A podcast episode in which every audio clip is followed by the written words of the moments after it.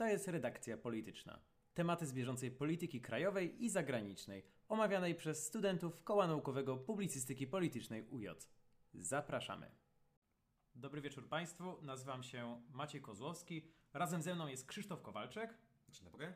oraz e, szef naszego działu redakcyjnego Igor Dziedzic. Dobry wieczór.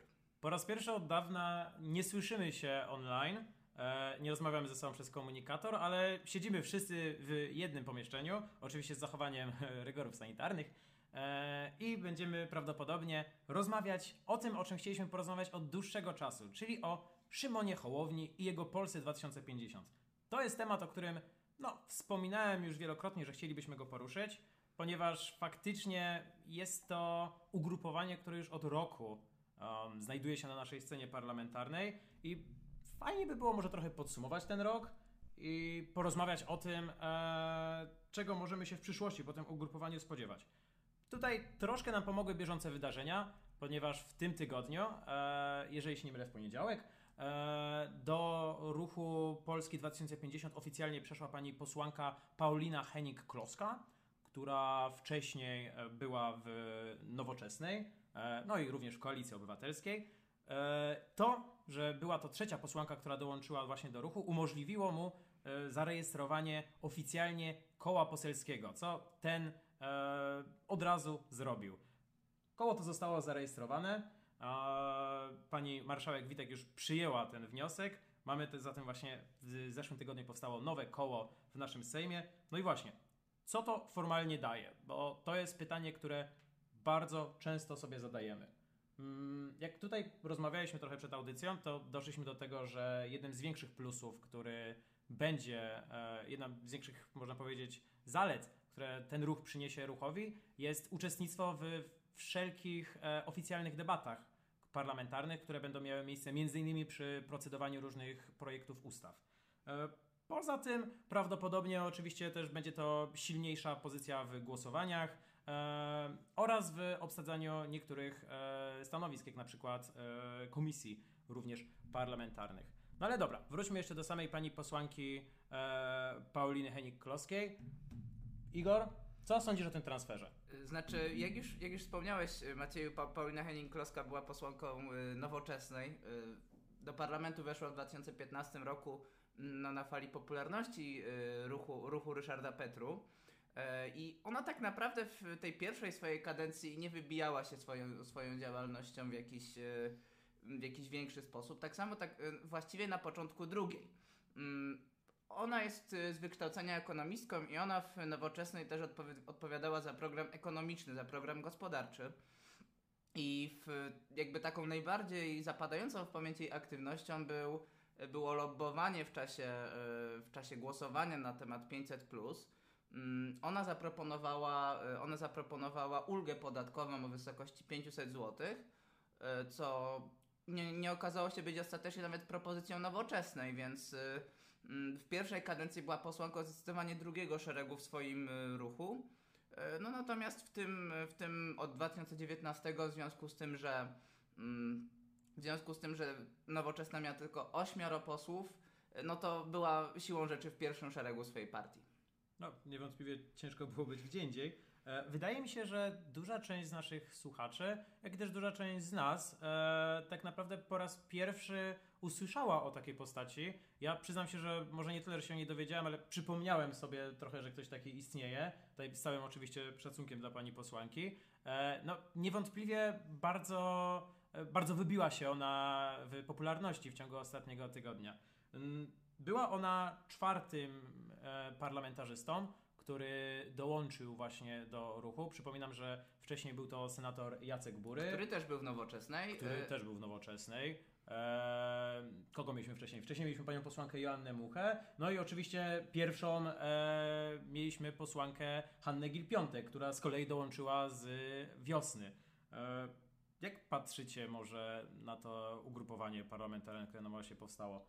Jak możecie tak w miarę opisać tych wszystkich posłów i senatora? Czy faktycznie Hołownia, tak jak zapowiadał, na razie bierze z każdego koszyka, czy mamy taki jakiś jeden rys, jeden kierunek, e, w którym on zmierza? To może popatrzmy na gospodarkę najpierw. Przejdźmy, przejdźmy ka przez każdego parlamentarzystę po kolei. Jacek Bury. Jacek Bury, senator, senator Koalicji Obywatelskiej. E, senator Jacek Bury kiedyś, e, kiedyś użył takiego cytatu, że on jakby, on ze Sławomirem Mencenem mógłby gospodarczo e, przybijać żółwik. Powiedział to kiedyś w kuluarowej, w kuluarowej dyskusji. E, jest to zdecydowanie liberał gospodarczy i to taki w, i to taki dość, e, dość nie Pełną wiem, gębą. pełną gębą. Nie, wiem, nie, nie chcę mówić ortodoksyjny, ale taki typowy, klasyczny liberał gospodarczy. Ideowy. Ideowy, tak, ideowy liberał gospodarczy, przedsiębiorca. Jeśli chodzi o panią Henning Kloskę, no to ona też z racji tego, że, że jest w nowoczesnej, ona była też tym liberalnym skrzydłem tej partii i to ona odpowiadała za ten, no jak na polskie warunki, bardzo liberalny program e, gospodarczy. Jana Szryk-Wielgus też była swego czasu nowoczesna. Jak się No tak, ale ona, ona akurat e, nie odpowiadała za kwestie gospodarcze w tym, No e, w tym ruchu i ona jednak była tym socjaldemokratycznym skrzydłem tej partii.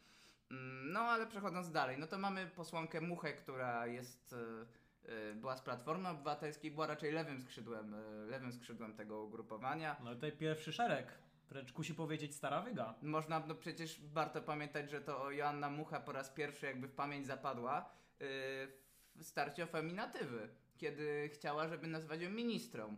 Mm, Wtedy to spotkało się z, no, z falą szydery, natomiast y, to była tak naprawdę pierwsza osoba tak wysoko postawiona, y, która w ogóle ten temat podjęła. Były też y, duże, była też duża szydera związana z Joanną Muchą w kwestii jej małej wiedzy w dziedzinie sportu i ja z racji tego, że to było jej ministerstwo, no to y, spotykało się to z falą krytyki, natomiast ona raczej już ma gospodarczo poglądy socjal-liberalne, jeśli nie powiedzieć socjaldemokratyczne.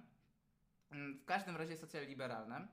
E, No natomiast pani Hanna Gil-Piątek, no to była posłanka bodajże wiosny, e, która no, przedstawiała raczej poglądy socjaldemokratyczne.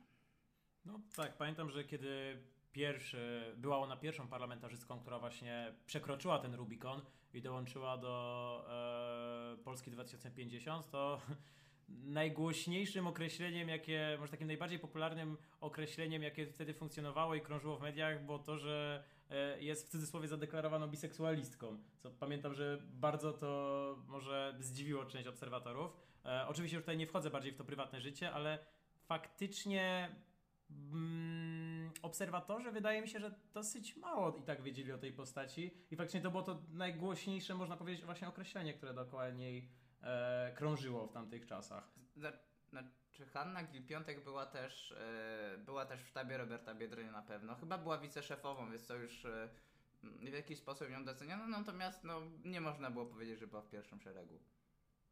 Tak. E, Natomiast e, był to taki właśnie sygnał e, pierwszy, że konserwatywny e, Szymon Hołownia nie będzie, nie, niekoniecznie będzie tworzył e, ugrupowanie konserwatywne i prawicowe, ponieważ ściąga właśnie ludzi, którzy mają raczej poglądy progresywne społecznie, jak właśnie na przykład pani Hanna Gil-Piątek. No właśnie tutaj dobrze, że tutaj wspomniałeś o tym, bo dochodzimy do, tego, do tej kwestii konserwatyzmu. Bo światopoglądowo jednak e, Szymon Hołownia na początku jawił się nam jako pewien amalgamat, a aktualnie mm, faktycznie on ściąga progresywistów e, w swoje szeregi. Może nie tyle progresywistów, ale na pewno nie konserwatystów, jeżeli mogę powiedzieć.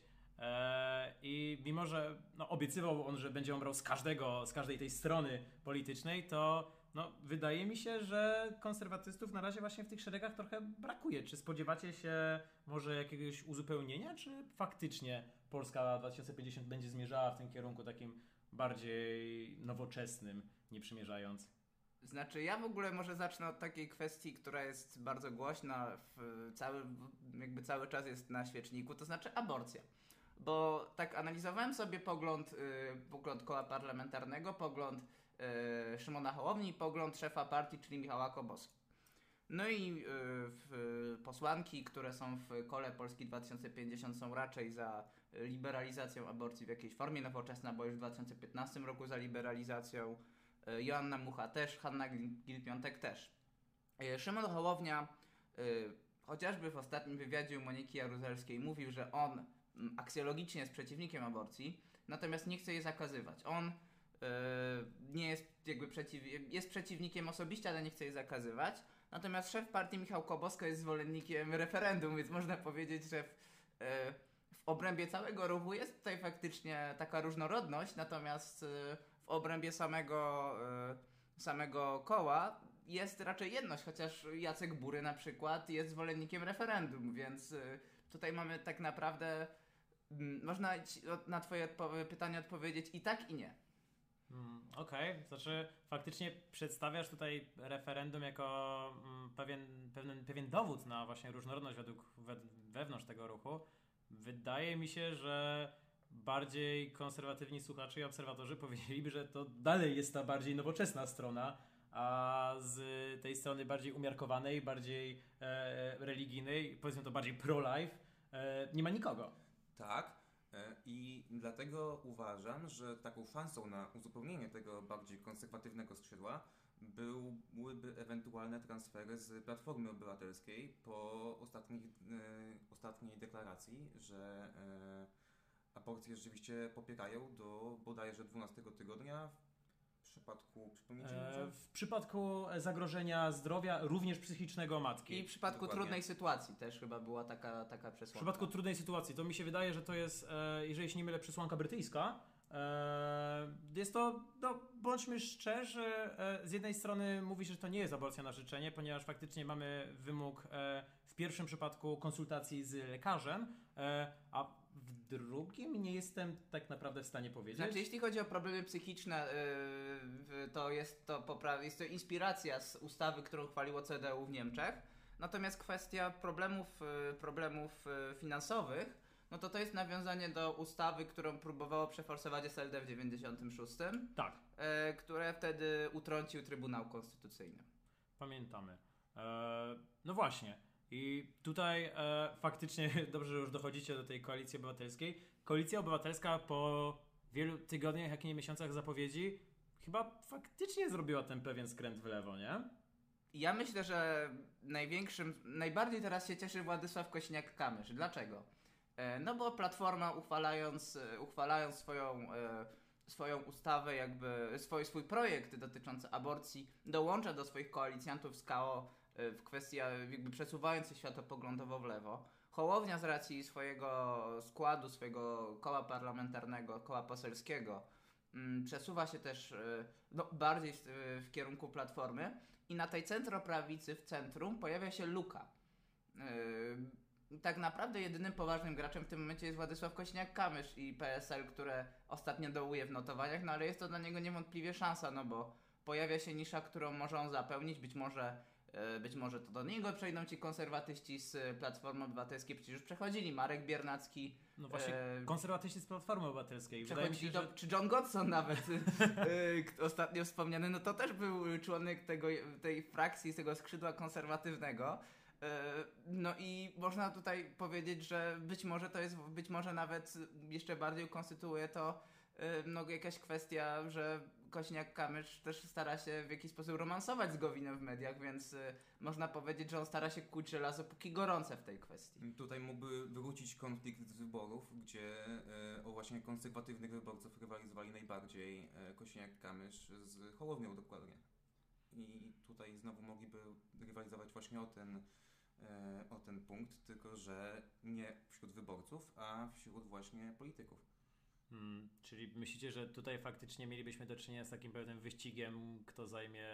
No może nie kto zajdzie platformą, platformę obywatelską z prawej, ale właśnie kto zajmie to jej, tej konserwatywne pozycje, które ona postanowiła opuścić? Znaczy, pamiętajmy w ogóle o tym, jak jest taki przeciętny polski wyborca. Y, ja wiem, że to, ja wiem, że to może wywoływać uśmiech, ale jednak y, pamiętajmy o tym, że tak demograficznie patrząc nawet, młodych nie jest aż tak dużo. Jesteśmy w momencie wyżu demograficznego i nawet te badania CEBOS-u, wobec których metodologicznie można mieć mnóstwo wątpliwości i znaków Tak. zapytania, y, które wskazały, że 30% y, y, młodych ma poglądy lewicowe, no to nawet gdyby tak było, no to, to wciąż jest po pierwsze 30%, 30% niezbyt wielkiego ułamka społeczeństwa. Mm, Dominują w tym momencie przedziały wiekowe 50 y, plus, y, które mają poglądy no, raczej centroprawicowe, raczej to jest właśnie taka platforma sprzed 15 lat, można powiedzieć. mm, tylko wielu z nich odeszło z racji zastoju, wielu z nich też przeszło do PiSu tak naprawdę światopoglądowe, światopoglądowo. Mm, No i w tym momencie, moim zdaniem przynajmniej, ruchy lewicowe nie są w stanie przyciągnąć tego, tego wyborcy i tego wyborcy, którego właśnie brakuje, więc e, w tym momencie jestem wręcz zaskoczony, że nie odbywa się ta walka o wyborcę centroprawicowego, tylko e, no, odbywa się walka o wyborców centrolewicowych bądź lewicowych. Uważasz, że e, ruch Platformy ze skrętem w lewo, można powiedzieć, jest dla niej zły? Znaczy, z jednej strony bardzo dobrze, że Platforma się w jakiś sposób określiła w końcu, no, bo... To wielkie zaskoczenie, To jest, ja, też byłem, ja też byłem zaskoczony, zastanawiałem się, czy, mm, czy dobrze czytam, czy, czy, czegoś, czy czegoś nie przeoczyłem w tym tekście. Natomiast faktycznie stało się, Platforma się określiła.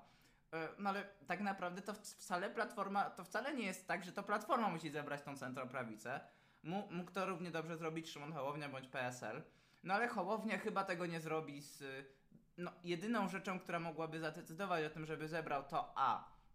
Albo jakieś nowe transfery, które by y, y, przesunęły to wahadło bardziej w stronę centrum.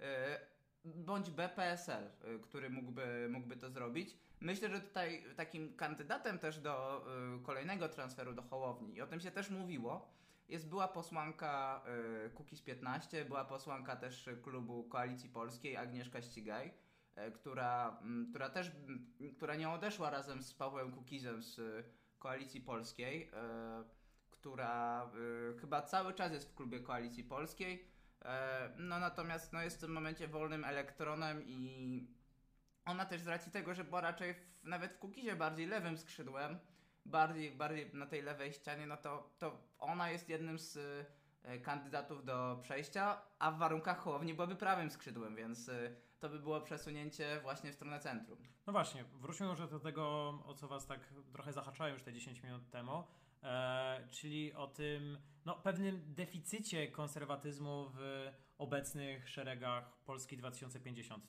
Mm, Zakładam, e, i wydaje mi się, że to się ze mną zgodzicie, że Szymon Hołownia na pewno będzie się starał załatać ten deficyt, ponieważ no, już doszliśmy tutaj do tego, że e, będzie, że występuje taka potrzeba i że będzie to w pewien sposób profitowe. E, ale no właśnie, czy on będzie w stanie? Ponieważ no, mamy z jednej strony tutaj tych e, konserwatywnych e, posłów i konserwatywnych działaczy Platformy Obywatelskiej. Z drugiej strony e, bardzo często mówi się o różnych transferach z nawet Prawa i Sprawiedliwości lub z ogólnie Zjednoczonej Prawicy. Czy widzicie jakąś taką możliwość? Czy może pojawiają się Wam w głowie jakieś nazwiska? Bo faktycznie e, zgodzę się, że Agnieszka Ścigaj, pani poseł Agnieszka Ścigaj, przepraszam, jest tutaj jedną z kandydatek. I nie wiem, czy pamiętacie nawet w momencie, kiedy rozpadała się Koalicja Polska, to oczywiście ona dalej trwa, ale kiedy Kukiz y, się rozwodził z y, kiedy, kiedy dochodziło do niezbyt aksamitnego tutaj rozwodu, e, to pamiętam, że pani posłanka wrzuciła na swoje media społecznościowe takie zdjęcie, e, na którym po prostu w pewnym miejscu tego zdjęcia było widać komputer z włączonym portalem społecznościowym Facebook i na nim na wierzchu e, w cudzysłowie otwarta była rozmowa z panią posłanką Hanną Gil-Piątek. e, Co według wielu zostało odczytane jako pewien znak, może symbol, e, a może pewne ostrzeżenie wysłane w niektóre miejsca. No ale wracając, czy na pewno zgadzamy się w tym, że Szymon Hołownia będzie tutaj czuł taką potrzebę i będzie się starał, ale czy uda mu się, uda mu się zdobyć to trochę, trochę takie bardziej prawicowe, konserwatywne skrzydło? I jeżeli tak, to czy może macie pomysły, kto by to mógł być? Może wykorzysta e, obecny chaos wewnątrz właśnie Zjednoczonej Prawicy w porozumieniu i kogoś stamtąd może próbować ściągnąć. Mm, mi się w głowie tutaj wtrącę, ponieważ faktycznie jak mówiłem o Zjednoczonej Prawicy i Prawie i Sprawiedliwości, to właśnie w głowie mi się mimo wszystko pojawiała, pojawiało bardziej to porozumienie, jako to najbardziej umiarkowane skrzydło Zjednoczonej Prawicy i pojawia mi się e, w głowie nazwisko Andrzeja Sośnierza. Szczerze mówiąc, jeśli chodzi o Andrzeja Sośnierza, to pamiętajmy, że. pam- zwróćmy uwagę na karierę Andrzeja Sośnierza. Andrzej Sośnierz w latach 90. był y, działaczem politycznym związanym z Januszem Korwin-Mikkem. Mm, Był w Unii Polity- Polityki Realnej. Zarządów PiSu, tych pierwszych, w latach 2005-2007 był prezesem NFZ-u, więc już wtedy był związany z y, Prawem i Sprawiedliwością. E, moim zdaniem akurat Andrzej Sośnierz niekoniecznie. Ja szczerze mówiąc mało wierzę w transfery z porozumienia do ruchu Hołowni i bardziej właśnie tutaj uważam, że z racji tej bliskości prędzej do PSL-u. Natomiast uważam, że z PSL-u mogą przychodzić do Hołowni. I tu mogą być, e, tu mogą być ruchy i moim zdaniem bardzo, bardzo ukazało to, e, to zjawisko, to zagrożenie, fakt wypowiedzi jednej z ważniejszych osób w PSL-u, wicemarszałka Sejmu Piotra Zgorzelskiego, e, który nazwał, nazwał Hołownię była taka słynna, była taka słynna seria starć słownych między Zgorzelskim a Hołownią, gdzie Y, Zgorzelski nazywał Hołownię człowieka o mentalności kłusownika, a Hołownia nazywał y, Zgorzelskiego człowieka o mentalności ciecia.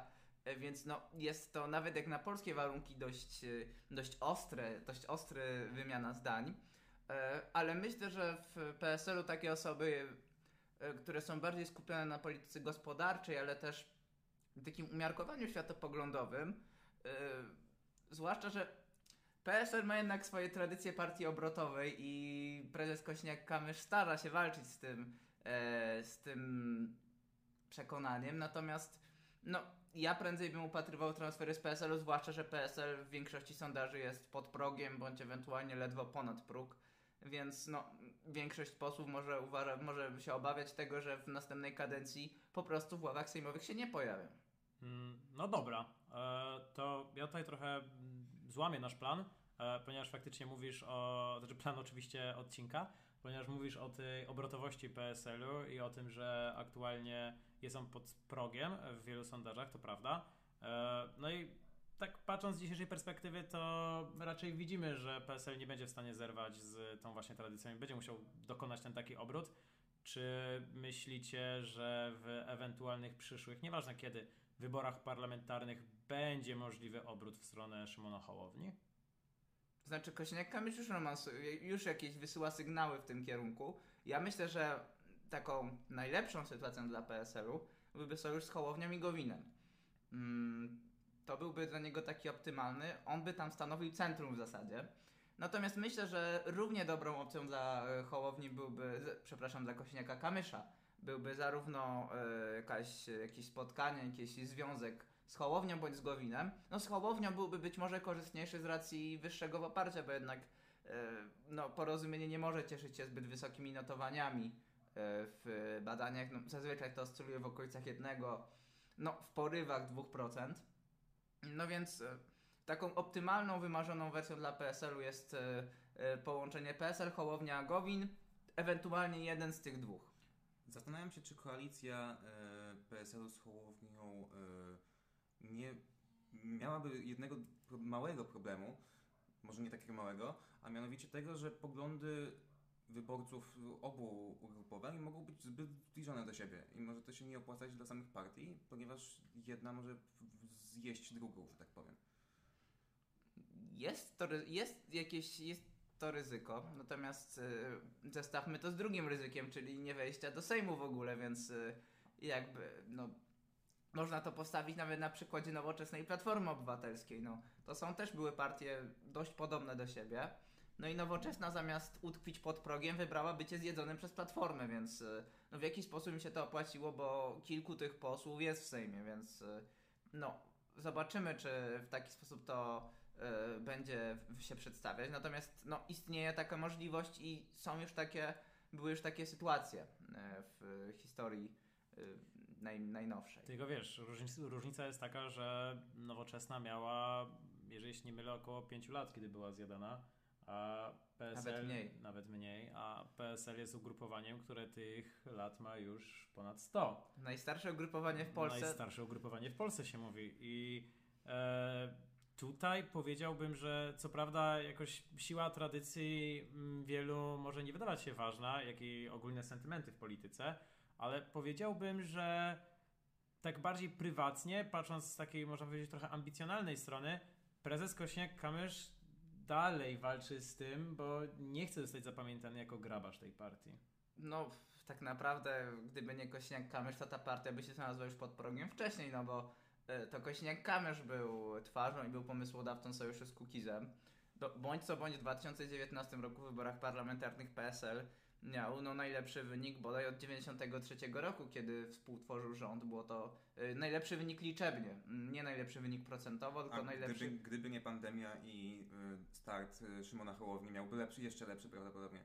Pamiętajmy, że o Kośniaku, Ko- Kośniak-Kamysz w, do momentu wejścia Rafała Trzaskowskiego w wyścigu prezydenckim i do tego, do tej zwyżki pandemicznej właśnie wspomnianej przez Ciebie Krzysztofie w sondażach Tak, Szymona Hołowni. ja mówiłem o wyborach prezydenckich. Tak, no to Kosiniak był takim murowanym kandydatem wręcz do drugiej tury. Mówiło się i były nawet często na profilu Kośniaka Kamysza takie sondaże, e, w których w drugiej turze już e, z Andrzejem Dudą to on wygrywał i w gruncie rzeczy to prawda, to jest jedna z... To był chyba kandydat, który miał największe obok Szymona Hołowni szanse na e, pokonanie obecnie urzędującego prezydenta w drugiej turze. No tutaj w tych wyborach prezydenckich pan prezes Kosiniak-Kamysz stał się trochę postacią tragiczną, ponieważ musiał wybierać między, powiem górnolotnie, dobrem Polski i demokratycznością tych wyborów, a swoim własnym interesem. I wybrał to pierwsze. Ale dobra, e, pozwolę sobie trochę wrócić, ponieważ e, już wychodzimy trochę bardziej w tereny PSL-u, a chciałbym, żebyśmy zostali jednak w tych kolorach żółtych i porozmawiali o naszym najnowszym ugrupowaniu. E, pociągnę trochę to pytanie jeszcze, ponieważ faktycznie wskazaliście, że e, PSL będzie chciało e, tego sojuszu z Hołownią. No tutaj wydaje mi się, że to jest nawet tro, trochę dosyć oczywiste i dosyć wiadome, nawet jeżeli PSL walczy z, tą, e, z tym przeświadczeniem o swojej obrotowości, o którym przed chwilą mówiliśmy. Ale spójrzmy w drugą stronę.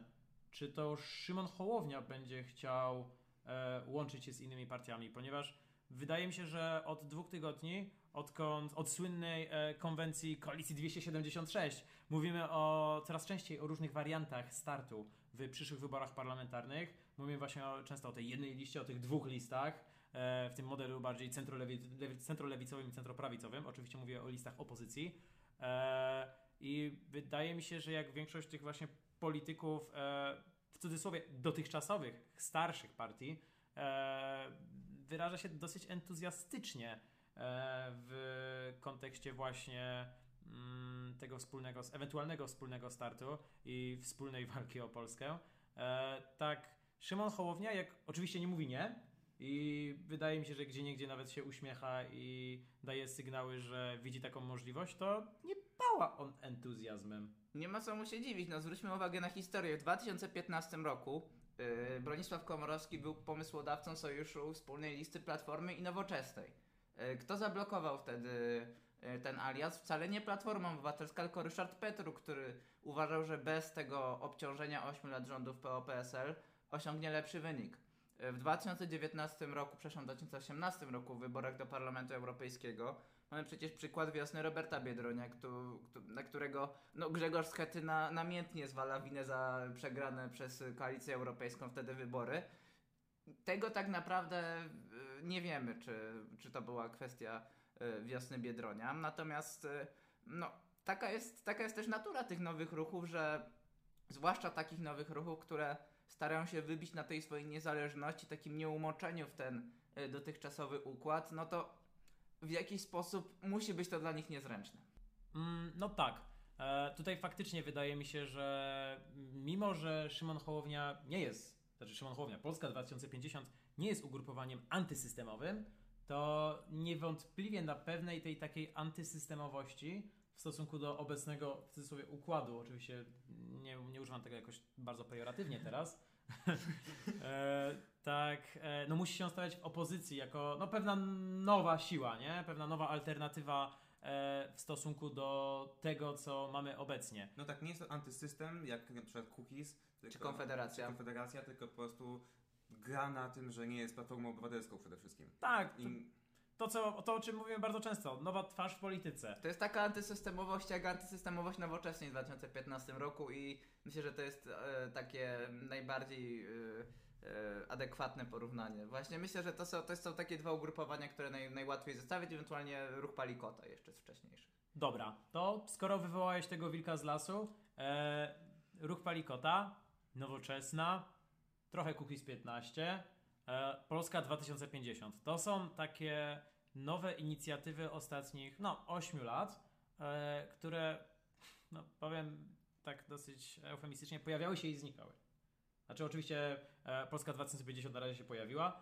E, to, czy zniknie, o tym jeszcze porozmawiamy zaraz, ale zacznijmy od tego, czy jakie są waszym zdaniem najważniejsze podobieństwa e, tych poprzednich ruchów, które faktycznie mogą skazać Polskę 2050, ruch Szymona Hołowni na porażkę, a jakie są największe różnice, które mogą faktycznie pomóc to przełamać i może poprowadzą nas ku temu, że ta siła parlamentarna się utrwali, o czym pewnie jeszcze porozmawiamy zaraz.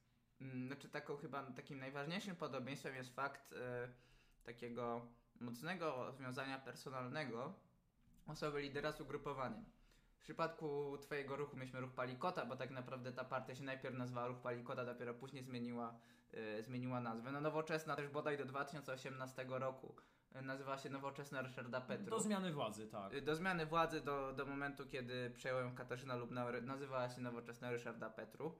W tym momencie, no, Polska 2050 chyba nie, nie ma nazwy Szymona Hołowni w, y, w swojej tytulaturze. Natomiast, y, no, jest to jednak ściśle związana z y, osobą lidera. Y, W porównaniu z Ryszardem Petru i Januszem Palikotem, Szymon Hołownia jest o wiele mniej wyrazisty.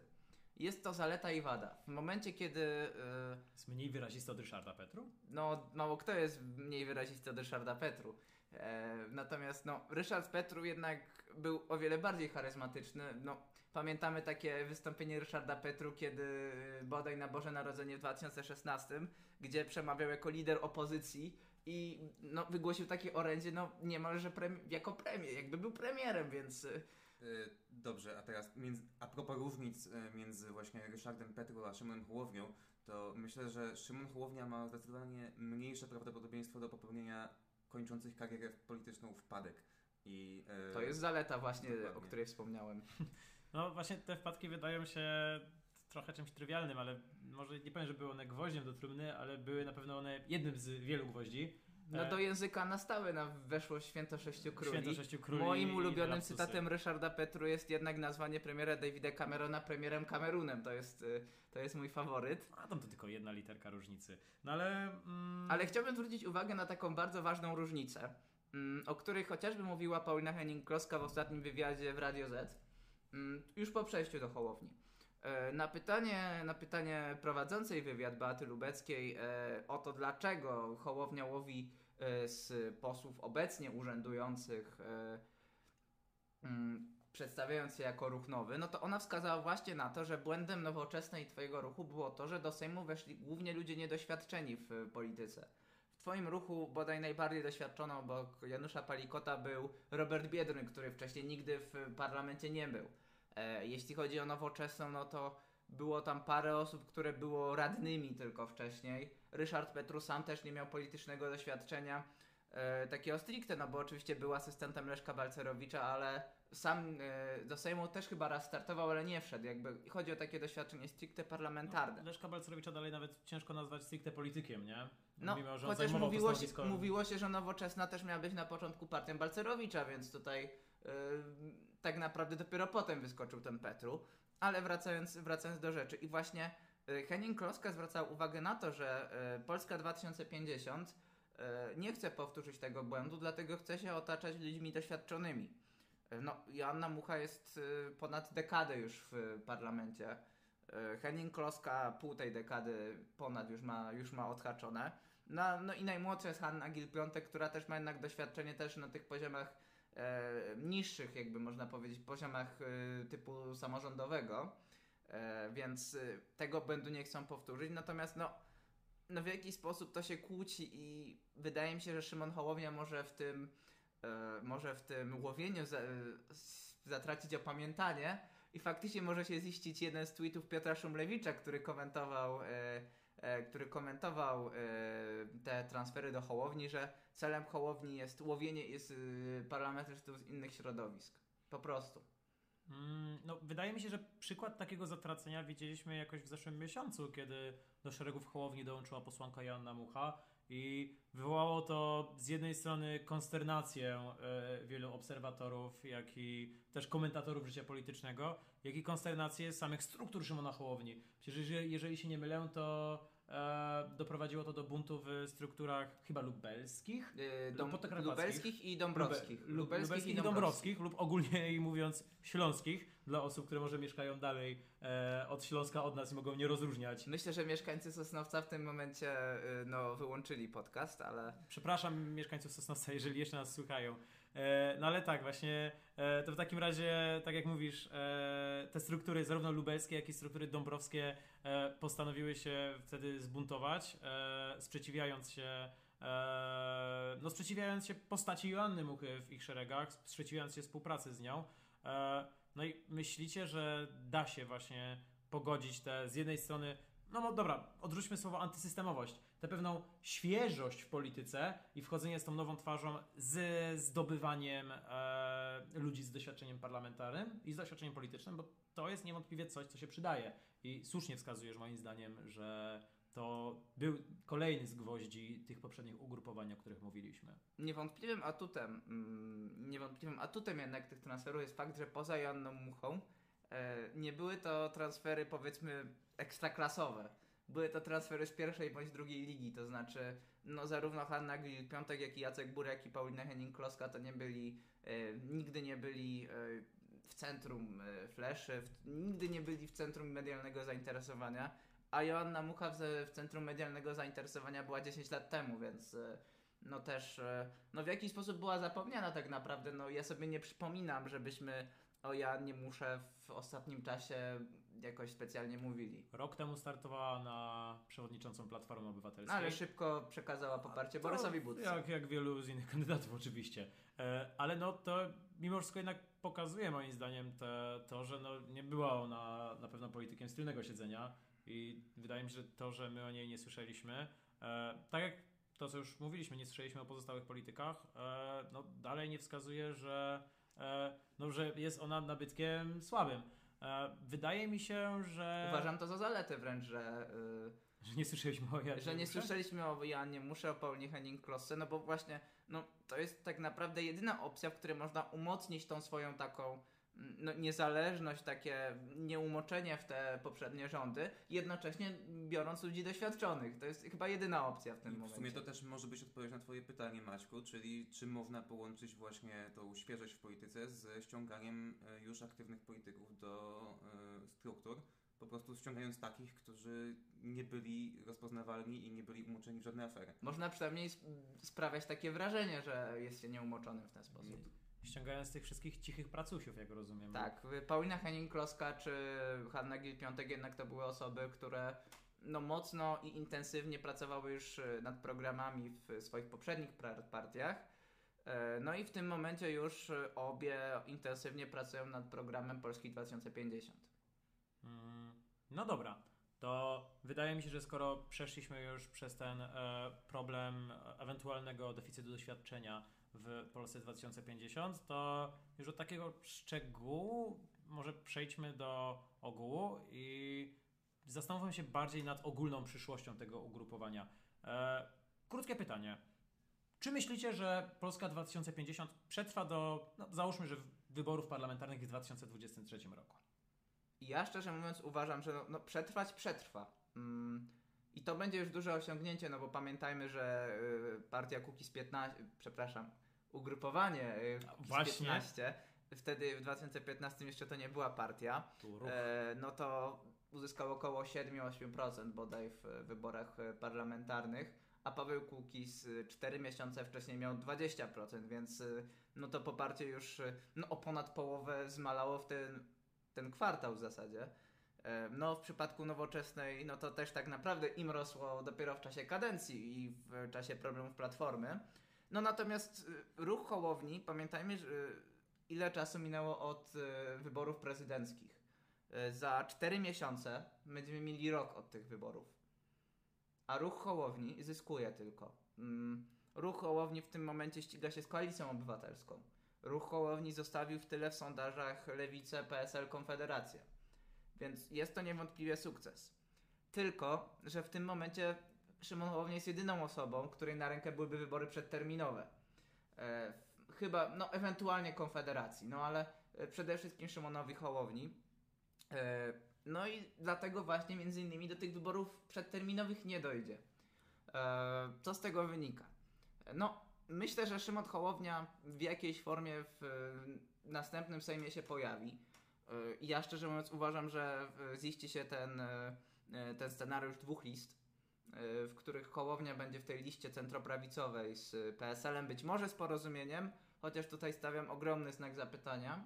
Rozumiem, że widzisz oczywiście poza tą listą Konfederację. E, uważam, że Konfederacja nie wejdzie, z, e, nie wejdzie do, li, do, do, do No, list- żadnych list opozycyjnych, bo ich siłą jest e, bycie stricte partią antysystemową i oni będą zgarniać, e, zgarniać dużo odpisu. I nawet w interesie opozycji jest to, żeby Konfederacja startowała samodzielnie, bo Konfederacja w ten sposób jest w stanie zebrać tyle, żeby PiSowi zabrać, ale nie na tyle, żeby samemu stanowić jakieś duże zagrożenie. To myślę, że e, tutaj taki pułap 10% w przypadku Konfederacji no, jest możliwy w następnych wyborach. E, No, natomiast w przypadku, e, w tym przypadku PiS no, dużo by szedł na wynikach, no bo Konfederacja nie ma komu innemu zabierać elektoratu.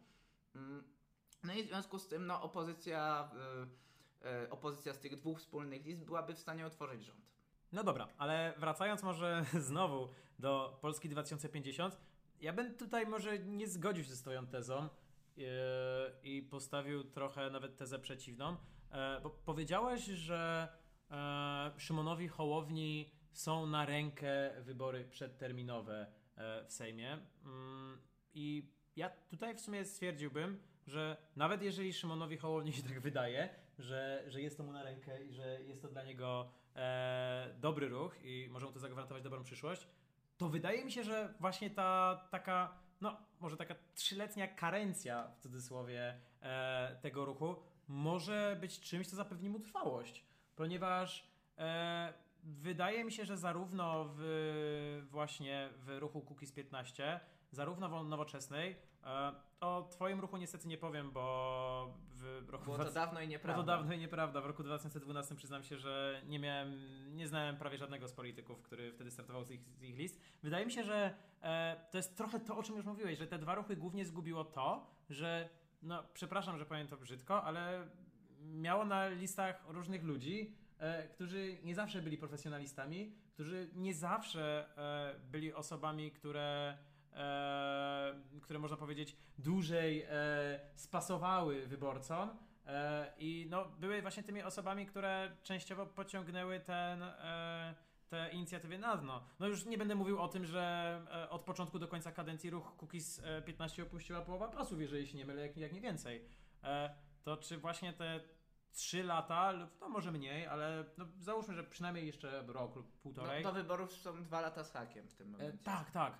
Ale czy właśnie ten pewien okres e, takiej karencji nie zapewni właśnie Szymonowi Hołowni trwałości? Nie sprawi, że on e, zarówno umocni się strukturalnie, e, budując faktycznie te struktury bardziej lokalne i przykując się e, do już no, ewentualnie bardziej samodzielnej roli w tych wyborach, ponieważ nawet jeżeli on e, tej roli nie chciałby sprawować, to na, da mu to dużo lepszą kartę negocjacyjną w ewentualnych przyszłych negocjacjach. To jest coś, na co wydaje mi się no teraz lub może jeszcze kilka miesięcy temu nie mógłby liczyć. E, a z drugiej strony pozwoli mu wykuć faktycznie e, bardziej, e, bardziej wiarygodne i bardziej profesjonalne listy. Ponieważ no, mi w głowie cały czas siedzą takie różne opinie sprzed jakichś, no może nie sprzed, ale tak, które widzę w ciągu ostatnich trzech miesięcy, że w momencie, w którym w towarzystwie ktoś e, powie, że bardzo często, że głosowałby na Polskę 2050, to ktoś innym odpowiada, no tak, zagłosujesz na kogoś, kogo nawet nie znasz, bo nie wiesz, kto będzie startował na tych listach. Myślę, że kluczem tutaj jest fakt, że y, no, Polska 2050, ruch Szymon Hołownia, od początku miał zupełnie inną perspektywę niż Nowoczesna i y, Twój ruch. One powstały w tym samym roku, w którym odbywały się wybory parlamentarne. Więc no, faktycznie no, takim oczywistym podstawowym celem było wejście do Sejmu od razu.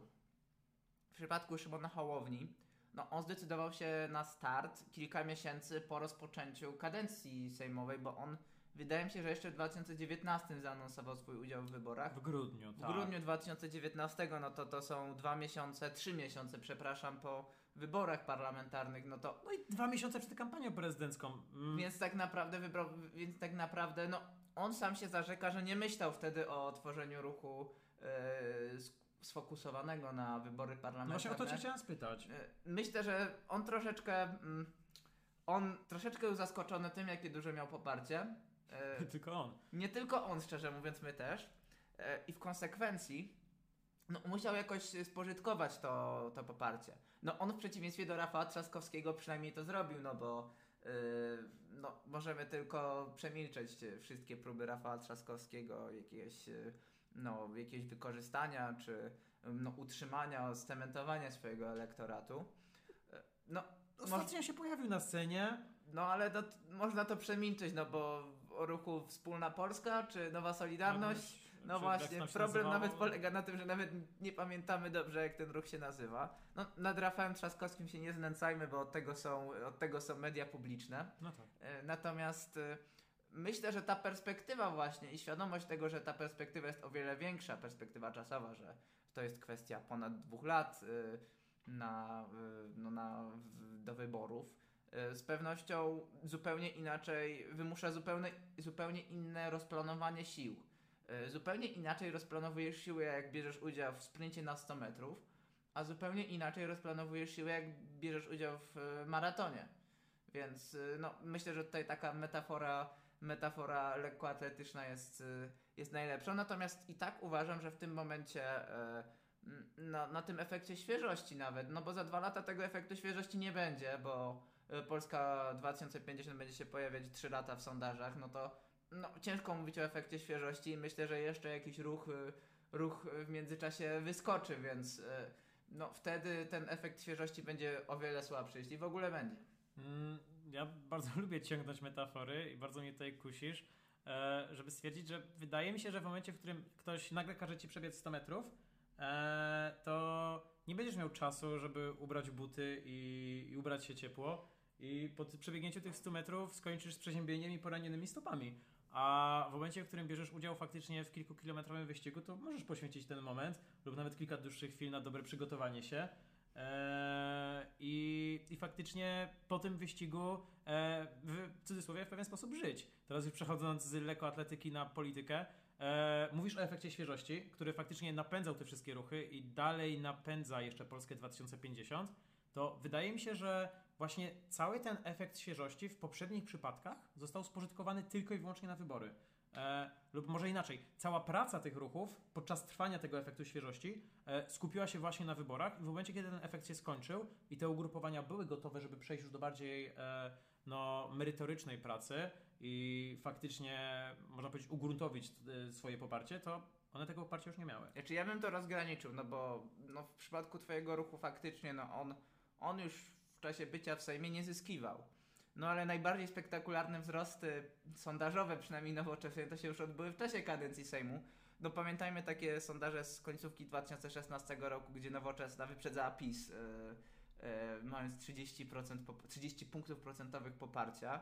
Mm, więc yy, no tutaj bym rozgraniczył, natomiast no nie, tak naprawdę to poparcie nowoczesne nie wiązało się z jakimś, e, e, z jakimś wielkim wysiłkiem e, właśnie- ugrupowania, tylko po pierwsze z jakąś medialnością Ryszarda Petru, e, który jeszcze nie robił gaf na początku, z, e, z świe- świeżością tej, tego ugrupowania, no i ze słabością Platformy, bo dopiero potem Schetyna zdołał uporządkować sytuację, no i on tak naprawdę ograł tą nowoczesną jak, no jak dzieci we mgle, pijane dzieci we mgle, jak to powiedział Jacek Majchrowski ostatnio. No, ja właśnie miałem Cię spytać, czy większym autorem sukcesu nowoczesnej był Ryszard Petru czy Ewa Kopacz, bo moim zdaniem, no, samo to, że tutaj stawiam ich na równi i to, że mam problem z wybraniem i no mimo, że skłaniam się ku temu pierwszemu, to nie jest to prosty wybór, e, wskazuje, że mamy do czynienia tutaj z innymi przypadkami, bo nawet jeżeli możemy mówić teraz o pewnej tej takiej niemocy Platformy Obywatelskiej, e, do której już się w pewien sposób przyzwyczailiśmy,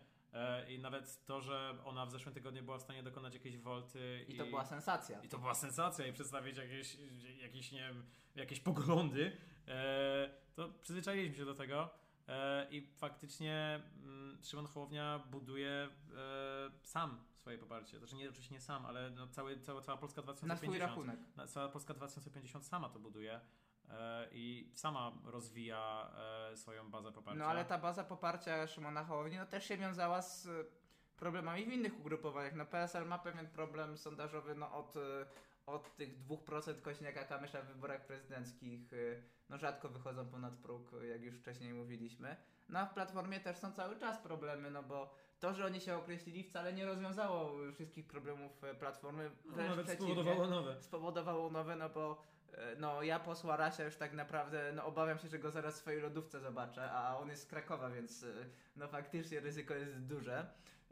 Więc no ci konserwatyści zyskują, zyskują rozgłos w Platformie i w ogóle o sobie przypominają. Więc no Szymon Hołownia no też zyskuje. No siłą rzeczy, no te nowe ruchy muszą zyskiwać na słabości starych ruchów. Palikot zyskał na słabości SLD, y, które miało słaby wynik w tych wyborach w 2011. Nowoczesna zyskała na słabości Platformy.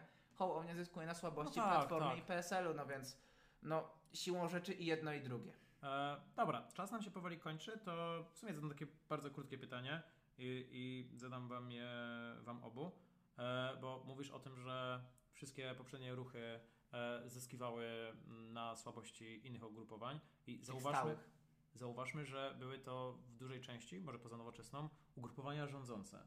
E, no bo zazwyczaj to one jednak nie mają tej tendencji zwyżkowej i to zazwyczaj one e, powoli tracą Poza twoim poparcie. ruchem jest SLD. E, No bo Nowoczesna zyskała na Platformie, tak, która tak, rządziła. Tak, to prawda.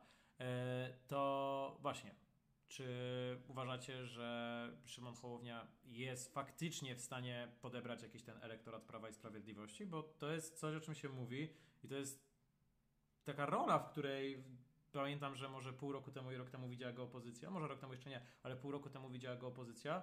I czy myślicie, że to jest realny scenariusz? Uważam, że jak najbardziej. E, Biorąc pod uwagę, że e, też właśnie e, Polska 2050 nie jest jakąś bardzo progresywną opcją, mimo że e, no jak, jak już powiedzieliśmy wcześniej, na ściąga dosyć progre- progresywnych polityków, tak dalej mówimy o tym, że będą nadrabiać właśnie e, rekrutacją konserwatywnego skrzydła. E, Mówiliśmy też o tym, że mogą być jakieś transfery z PSL-u i porozumienia, e, więc można dyskutować, czy właśnie nie mógłby ściągnąć Hołownia do siebie e, części elektoratu tej bardziej centrowej, tej bardziej e, racjonalnej e, Zjednoczonej Prawicy, Centroprawicowej. centroprawicowej. E, no i tak, my, myślę, że jest to jak najbardziej realna opcja. Ja szczerze mówiąc w to nie wierzę i uważam, że prędzej, prędzej może, moim zdaniem no, Jarosław Gowin ma świadomość zarówno tak, tak samo jak Zbigniew Ziobro swoją drogą, no że oni w 2023 roku na wspólnych listach z PiSem nie znajdą się. W związku z tym no, Ziobro w jakiś sposób będzie pewnie szukał jakichś, yy, jakichś, yy, związków z Konfederacją, ale to nie jest w tym momencie naszym, yy, naszym tematem. Natomiast Mhm. Jarosław Gowin no, no musi szukać z kimś na lewo od siebie. Myślę, że nie będzie szukał z Szymonem Hołownią, bo sz, moim zdaniem Szymon Hołownia nie będzie chciał e, przyjmować tych posłów z porozumienia, albo oni sami nie będą chcieli się znaleźć w Polsce 2050. I jakoś średnio wierzę w e, wspólne koło parlamentarne Joanny Muchy, Hanny Gil-Piątek i, i nie wiem, Andrzeja Sośnierza, czy Michała Wypija, czy Jarosława Gowina, którzy jednak są konserwatystami. No, można powiedzieć, że nie są skrajnymi konserwatystami, ale jednak w porównaniu z Hanną Gil-Piątek, no niemal każdy będzie skrajnym konserwatystą. Natomiast myślę, że prędzej ten takie ugrup, te, ten elektorat, to pole zajmie właśnie PSL z Gowinem, bo obie to będzie taki case jak z y, PSL-em i Kukizem, oba ugrupowania na granicy progu, to się połączą i prze, przekroczą próg. Mm. Takie przynajmniej będzie założenie, y, założenie tego sojuszu. Dobra, to ja może jeszcze na koniec trochę powiem e, tutaj, co ja o tym myślę, bo bardzo często zdarza mi się oglądać telewizję publiczną. Nie jakoś w celach rozrywkowych, znaczy też w celach rozrywkowych, ale no, nie jakoś, e, nie wiem, czerpiąc stamtąd informacje bezpośrednio, ale bardziej czerpiąc informacje o zamiarach e, autorów tych komunikatów, które my tam dostajemy. I wydaje mi się, że bardzo znamienne jest to, że mimo wszystko zarówno Prawo i Sprawiedliwość, jak i telewizja publiczna, jak i CEBOS, jak i inne źródła okołorządowe, jak to się mówi, nie biją w ogóle Szymona Hołownia. Pompują go nawet. Pompują go nawet. Przecież pierwsze sondaże, które wskazywały wyższość Szymona Hołowni, to były sondaże CEBOS-u. I wydaje mi się, że to jest też duży znak i to jest miejsce, w którym możemy szukać odpowiedzi. Dobrze. E, wydaje mi się, że możemy zostawić słuchaczy z tą myślą na koniec, z poleceniem oglądania telewizji publicznej nie tylko w celach rozrywkowych, chociaż te niewątpliwie e, są w niej bardzo duże. E, dziękuję Wam wszystkim za spędzenie z nami ostatniej godziny, za posłuchanie naszej rozmowy. Mam nadzieję, że uda nam się częściej ją realizować w takiej formie, ponieważ no, nie robiłem rozmowy na żywo od pół roku i jest to e, na pewno doświadczenie, za którym tęskniłem. E, przypominam, że ze mną był Krzysztof Kowalczyk, Do widzenia.